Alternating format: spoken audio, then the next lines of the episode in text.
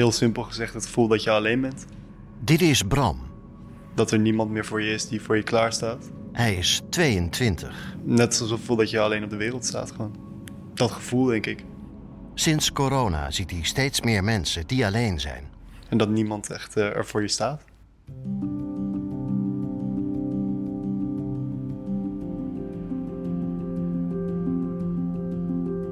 Of je nou voor of tegen de coronamaatregelen bent, over één ding is bijna iedereen het wel eens.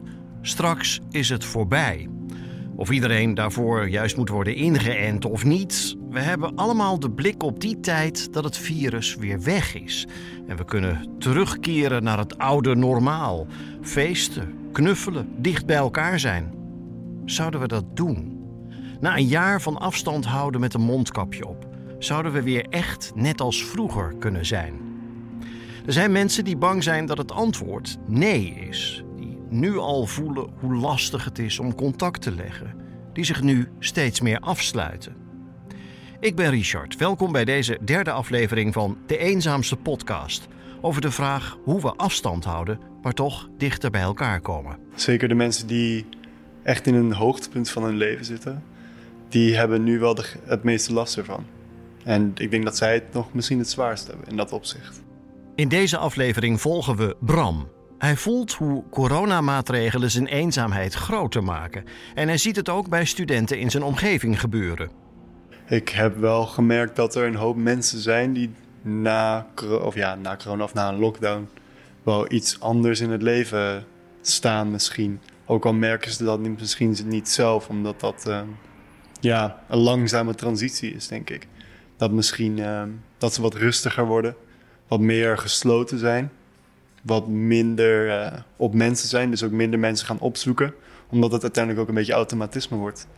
Je ehm, hebt gewoon, je, er wordt tegen je verteld dat jij niet meer naar je vrienden mag. En uiteindelijk is, is dat nog moeilijk, maar daarna wordt het wel een automatisme, denk ik. In het begin dacht Bram, net zoals veel anderen, dat digitale contacten sterker zouden worden. Appen, FaceTimen, gamen en Discord. Het bleef allemaal wel. Maar het vervangt niet wat er vanwege corona niet meer is. Het loste het probleem van de afstand niet op. Zeker in deze tijd kan dat ook. Gewoon iedereen heeft een telefoon. Maar dat is alsnog niet hetzelfde. Weet je, um, uiteindelijk vind ik een appje niet hetzelfde als met iemand afspreken of uitgaan. Dat zijn toch veel intiemere momenten waar je toch veel meer van kan genieten. Het zijn uiteindelijk de fysieke momenten waar je van geniet. En daar heb je het over op app bijvoorbeeld ook. En dat je de hele tijd met mensen gaat praten over je gevoelens of weet ik veel. Dat het doe je toch ook liever fysiek, denk ik dan. Uiteindelijk, uiteindelijk zie je, ook al zitten we in een digitale wereld, wil je elkaar alsnog het liefst gewoon in het echt zien. En je spreekt met elkaar af via die digitale platformen. Bram woont in een studentenhuis in Leiden en vormt samen met 18 andere studenten één huishouden. Ze delen de gezamenlijke ruimtes. Veel studenten willen graag een eigen woonruimte, een eigen kamer, een eigen flat of een eigen woonstudio. Maar Bram is nu juist blij dat hij aanspraak heeft van zijn medebewoners. Als het gaat om een situatie voor een student, als ik het zo zou zeggen, heb ik niet een slechte situatie. Er zijn zeker ook heel veel studenten die in een studio wonen in hun eentje die niet die, dat, geluk hebben. Alleen veel mensen zien wil nog niet zeggen dat de eenzaamheid weg is. Als je een echte band met iemand mist, een connectie, dan is ook zo'n groot huishouden vol studenten die een eigen leven leiden geen oplossing.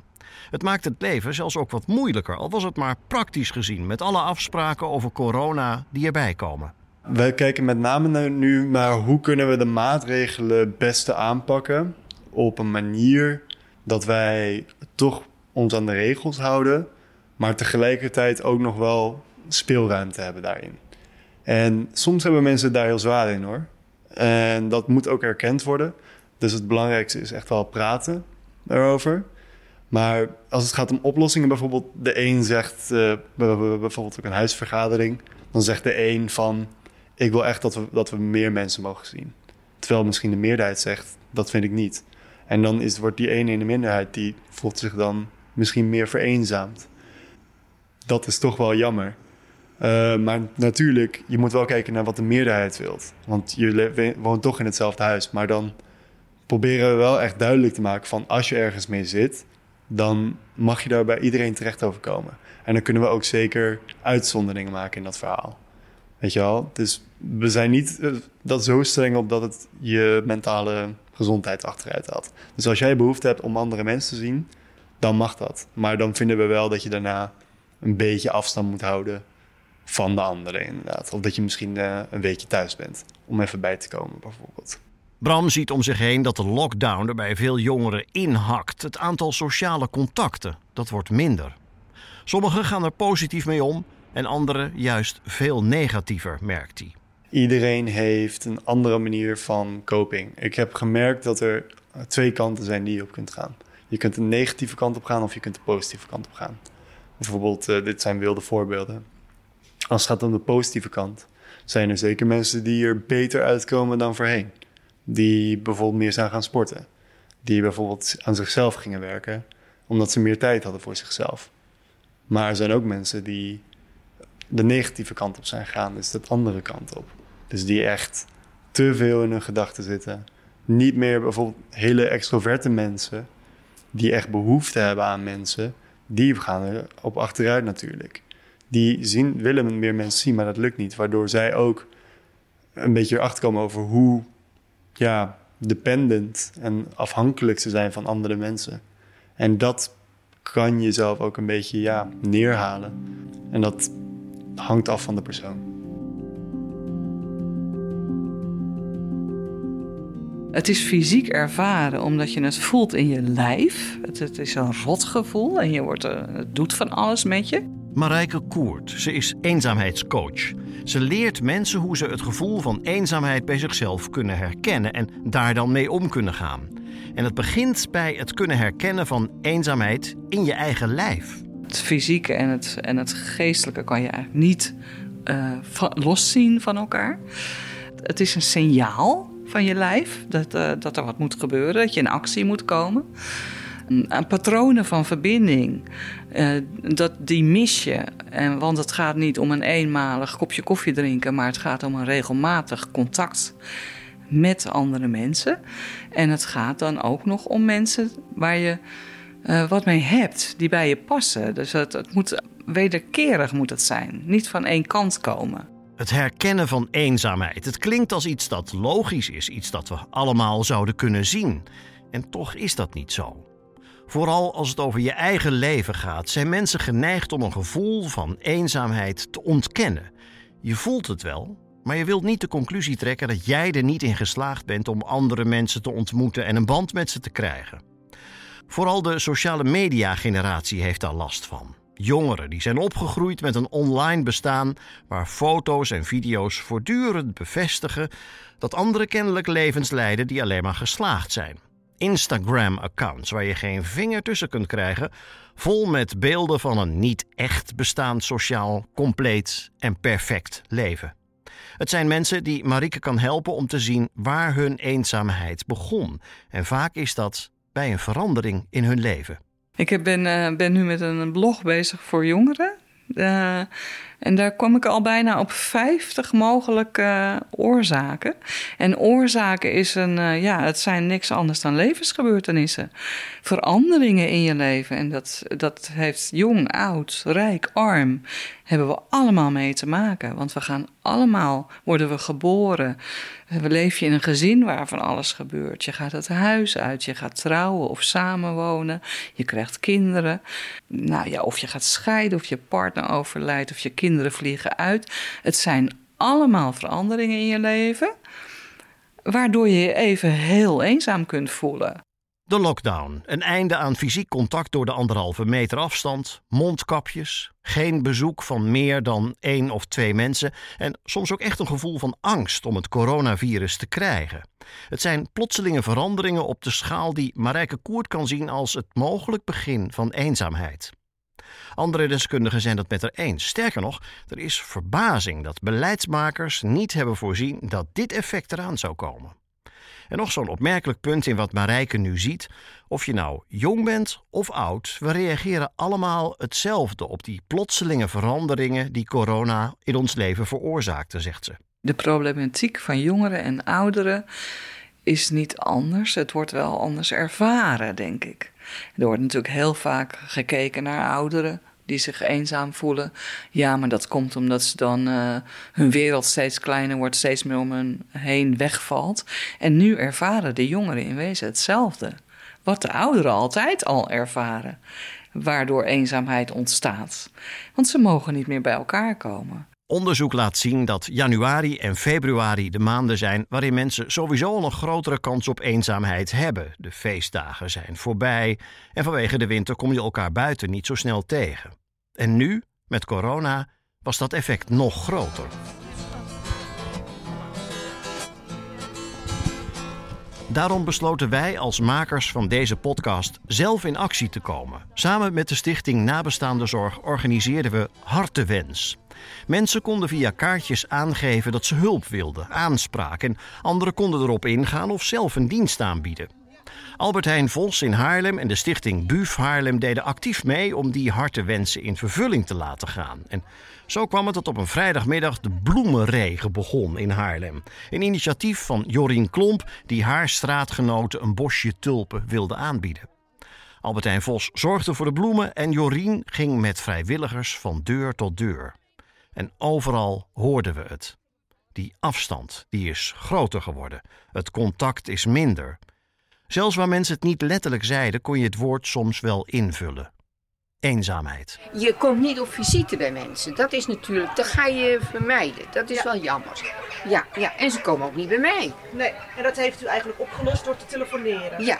ja. Heeft u dan ook nog extra dingen geleerd in deze tijd? Zoals bijvoorbeeld, eh, er zijn veel mensen gaan videobellen of nee, nee, nee. internet bellen. Nee, dat heb ik allemaal niet. Nee, nee, nee, nee, hoor. En mijn buurtjes zo nu en dan eens even contact. Ja. Gewoon, zoals u nou, zo, die afstand. Ja. Merk wel dat je heel eenzaam bent hoor, dat, uh, nu in deze tijd. Ja. Ik vind het wel moeilijk, moet ik eerlijk zeggen hoor. En, want u woont alleen? Ja. En, want er is ook een hoop weggevallen. Ja. Ja, clubjes en zo allemaal. Ja, want u ging naar clubjes. ja. En dat is allemaal nu nog gesloten? Ja. Ja, het is meer dan uh, met één mens, dus uh, ja, dan houdt het ja, op gewoon. En wat doet u dan zoal? Nou, soms denk ik wel eens, uh, want mijn buurvrouw was pas geleden ziek en toen kon ik een boodschappen doen. Ja, dan heb je een probleem dus, weet je wel. Nou, maar dan vraag ik dus aan de andere buren van, mag ik mee? En dan, dat mag dan, dat is geen probleem verder. Maar echt aanlopen heb, heb je niet. Weet je, zo'n zo'n praatje of even dat, dat, iemand, dat ik naar een activiteit ga. En soms ga je wel eens naar een activiteit en vooral oudere mensen hebben dat wel. En dan zit er uh, zo'n stoel leeg en dan gaan ze naar zitten. En dan wordt er gezegd, nee hoor, die stoel is bezet, want daar zit mijn buur. Weet je, dus dan worden ze eigenlijk meteen uh, teruggeduwd. Ja, precies. En het is toch, zij moeten ook ergens die stap zetten en die toenadering. Het is een wederkerigheid, Ja, hè? het is een wederkerigheid. Ja. Dus, Ja, ja. uh, en dat maakt het gewoon wel heel lastig om achter de voordeur te kijken. Bij iedereen zijn die bloemen natuurlijk meer dan welkom. En misschien nog wel het meest bij een gezin waarbij alle gezinsleden besmet zijn geraakt met corona. Ze merkten hoe belangrijk het was dat de buurt naar ze omkeek. Overweldigend. Echt, uh, elke dag staat er wel iemand voor de deur met even een duim omhoog of naar beneden. Met een zak mandarijnen, met een pannetje kippensoep, met uh, nou, alles erop en eraan. En nou, iedere keer wat anders. Dus het voelt heel erg alsof er op ons gelet wordt. En dat is wel heel fijn. Wat al heel snel uit de actie blijkt, is dat elke buurt maar een paar mensen nodig heeft die de ander meenemen in een actie of een goede daad. Een buurtvader of moeder die omkijkt naar de mensen verderop in de straat die vanwege corona nog maar weinig aanloop hebben. Ja, je hebt een paar mensen die zijn echt dan zo'n speel en die, die verzinnen dingen en slepen iedereen erbij. En uh, ja, dan gebeuren er dingen. Ja, dat zou ja. eigenlijk in alle straten iemand kunnen. Hè? Nou, echt, ja, elke straat heeft een, uh, ja, we noemen er ook altijd de buurtmoeder. Ja, er is zo'n buurtmoeder nodig die zegt, kom jongens, we gaan weer even met z'n allen wat doen. Ja. Dat, uh, ja, dat is heel leuk, dat maakt wel de sfeer, ja. Ja, zeker. Ja. De hartenactie laat zien hoe snel een buurt in actie kan komen. Echte eenzaamheid zal het misschien niet voorkomen, maar wie meer mensen op dagelijkse basis ziet, kan sneller contacten aanknopen waarbij je wel een echte band kunt krijgen. Voor Bram van 22 is zijn buurt het studentenhuis, waar hij samen met 18 andere studenten woont. Hij merkt dat zijn huisgenoten tijdens de coronacrisis van lieverlee naar elkaar toe groeiden. Ja, zeker. Dat heeft me zeker geholpen. Ik ben nog nooit zo hecht geweest met een huis. Dus dat is echt heel leuk. Dat is ook wel echt een oplossing hoor. In zijn kennissenkring kan Bram de jongeren die vanwege corona problemen krijgen met eenzaamheid er zo uithalen. En daarmee bedoelt hij dat die mensen in hun karakter veranderd lijken. Uiteindelijk zijn zij toch wel een stuk stiller geworden dan ik ze voor de lockdown zag. Dat ze ook zeiden dat de muren op zich afkwamen. Dat ze uiteindelijk echt uh, het niet meer volhielden. Dat ze echt iemand nodig hadden gewoon. En dan is je kat niet echt de beste vervanging daarvoor inderdaad. Dus dat is toch wel heftig om te zien inderdaad. Universiteiten melden dat ze de grootste problematiek zien bij internationale studenten. Dat is een grote groep, want zeker 10% van alle studenten is hier op tijdelijke basis vanuit het buitenland. Aan het begin van de coronacrisis vertrokken veel van die studenten terug naar hun familie, maar de groep die is achtergebleven zit daarmee vaak zonder sociaal vangnet. Ook Bram ziet dat die groep het moeilijk heeft in de lockdown. Ze raken aan de drank, aan de drugs, met alle gevolgen van dien, zegt hij. Maar je hoort wel eens van bepaal, over bepaalde internationals die ik niet persoonlijk ken, dat ze ook wel uh, uiteindelijk wel echt klaar mee waren. Inderdaad, ja. Ook weer een beetje het gehalte van muren komen dichterbij. En uiteindelijk, uh, ja, een beetje overgaan op meer drank en drugsgebruik voor de afleiding. Dat is ook een torenhoog nu. Als het gaat inderdaad natuurlijk om drank en drugsgebruik, dan gaat je sporten en lichamelijke gezondheid ook heel erg van achteruit. Door, dat zijn, zijn allemaal een beetje kettingreacties. Hè? Dus je hebt vermoeid, je hebt geen behoefte om iets te doen. Bijvoorbeeld de gym gaat dicht, ga je ook niet sporten. Dan voel je je ook minder goed in je vel. En dan komt, gaat het weer op het, uh, het mentale gedeelte. Dus dat is eigenlijk allemaal een beetje verbonden met elkaar. Dus het, als bijvoorbeeld de fysieke gezondheid achteruit gaat, dan gaat de mentale gezondheid ook achteruit. En dat blijft maar zo doorgaan. Tot uiteindelijk uh, nu uh, de meerderheid van de studenten wel een beetje tegen mentale breakdown aan zit, inderdaad. Natuurlijk zijn de maatregelen helemaal begrijpelijk, maar dat is ook wel iets waar we op kunnen letten, inderdaad. Dat veel mensen in problemen komen door de lockdown, dat is iets wat na een jaar coronacrisis een effect begint te krijgen. Bram ziet dat mensen die kampen met eenzaamheid ook steeds sneller geneigd zijn om die coronamaatregelen maar met een korreltje zout te nemen. Tuurlijk, iedereen heeft dat gevoel wel eens, toch? Dat je denkt van, ik ben er een beetje klaar mee gewoon. En uiteindelijk, na zoveel, na elke keer die coronagetallen zien en de hele op je tenen lopen. En hoe langer dat duurt, hoe meer mensen, ja, zo, ja ruw gezegd, er een beetje scheid aan hebben. Maar dat is niet alleen jongeren natuurlijk. Dat is bij iedereen zo. Dat merk ik zelf ook als ik aan het werk ben. Je ziet gewoon mensen iets meer, eh, minder op letten. Vergeten hun mondkapjes, dat soort dingen. Dat vind ik al, dat terwijl dat eerst totaal niet het geval was eigenlijk. Bram die zegt juist de maatregelen die we in ons studentenhuis nemen om te voorkomen dat inwoners ziek worden, dat zijn de maatregelen die ervoor zorgen dat de eenzaamheid van sommigen het snelste toeneemt. Want bijna niemand komt meer binnen. Bram ziet het, net zoals zoveel studenten als een periode waar die koet doorheen zal moeten. Wat mist hij dan het meest aan activiteiten? Hmm. Ja, heel veel. Festivals vind ik leuk. Dat, uh, ja, ik vind het jammer dat ik niet op vakantie kon natuurlijk. Maar met name, ik, ja, als ik het breed zou zeggen, het gezelschap. Alle dingen met gezelschap. Je ziet heel veel mensen niet. En dat voel, en dat is heel raar. Want normaal, ik weet zeker dat als er natuurlijk geen corona, dat is een beetje een no-shit verhaaltje. Dan ga je, zie je die mensen wel eens. Want er zijn sommige mensen die je alleen ziet als je een samenkomst hebt. Je gaat, of je uitgaat of iets anders. En die zie je niet. En daar raak je het contact een beetje mee kwijt. En daardoor voelen mensen zich ook automatisch wat eenzamer. Maar wat kun je dan doen als je iemand in je omgeving ziet die vanwege corona langzaam maar zeker begint te vereenzamen? Hoe kun je zo iemand helpen? Marijke Koert, de eenzaamheidscoach, heeft een bijzondere methode. Bied geen hulp aan bij zo iemand, maar vraag om hulp. Zorg ervoor dat die persoon weer een taak krijgt die iemand waarde geeft. Om ook hulp van de ander te vragen. Dus misschien wel van iemand waarvan je vermoedt dat hij eenzaam is. Uh, hè, want het ging om een vermoeden. Uh, vraag eens hulp aan zo iemand. Wat hij voor jou kan doen. En dat, ja, dat geeft iemand weer eh, zin aan het leven. Dat hij iets voor een ander kan betekenen. Net zoals ik heel graag iets voor iemand beteken die zich eenzaam voelt en die het zelf niet meer kan oplossen. Daar kan ik iets voor betekenen. Dat maakt mij ook heel erg blij. Want ik zie gewoon dat het wat doet met mensen als zij ehm, leren hoe ze het zelf kunnen aanpakken. Dan gaan er kwartjes vallen. Dat klinkt een beetje simpel, maar zo is het wel.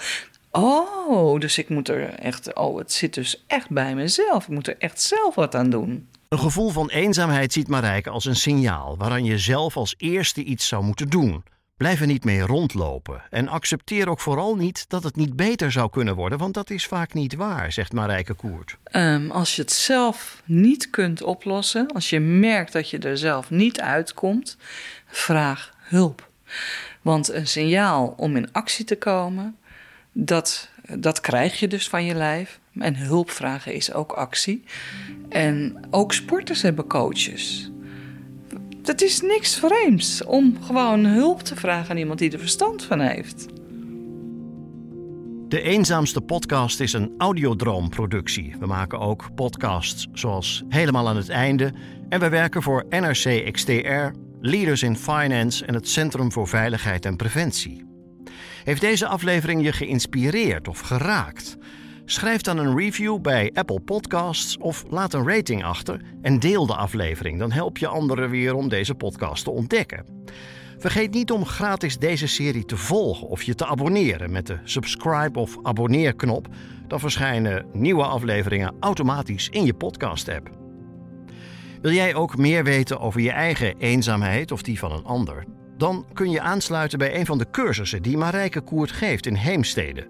Wil je mensen helpen die met heel praktische of leuke dingen geholpen willen worden? Neem dan eens contact op met BUF Haarlem. Dat kan via 023 5517 845. Dus 023 5517 845. Of je lokale BUF-organisatie. Heb je onlangs een verlies geleden of kampje met rouwproblematiek? Dan is Stichting Nabestaande Zorg voor jou een luisterend oor. 023 8448 201. Dus 023 8448 201. Alle informatie over deze organisaties staat ook in de link van deze podcast vermeld.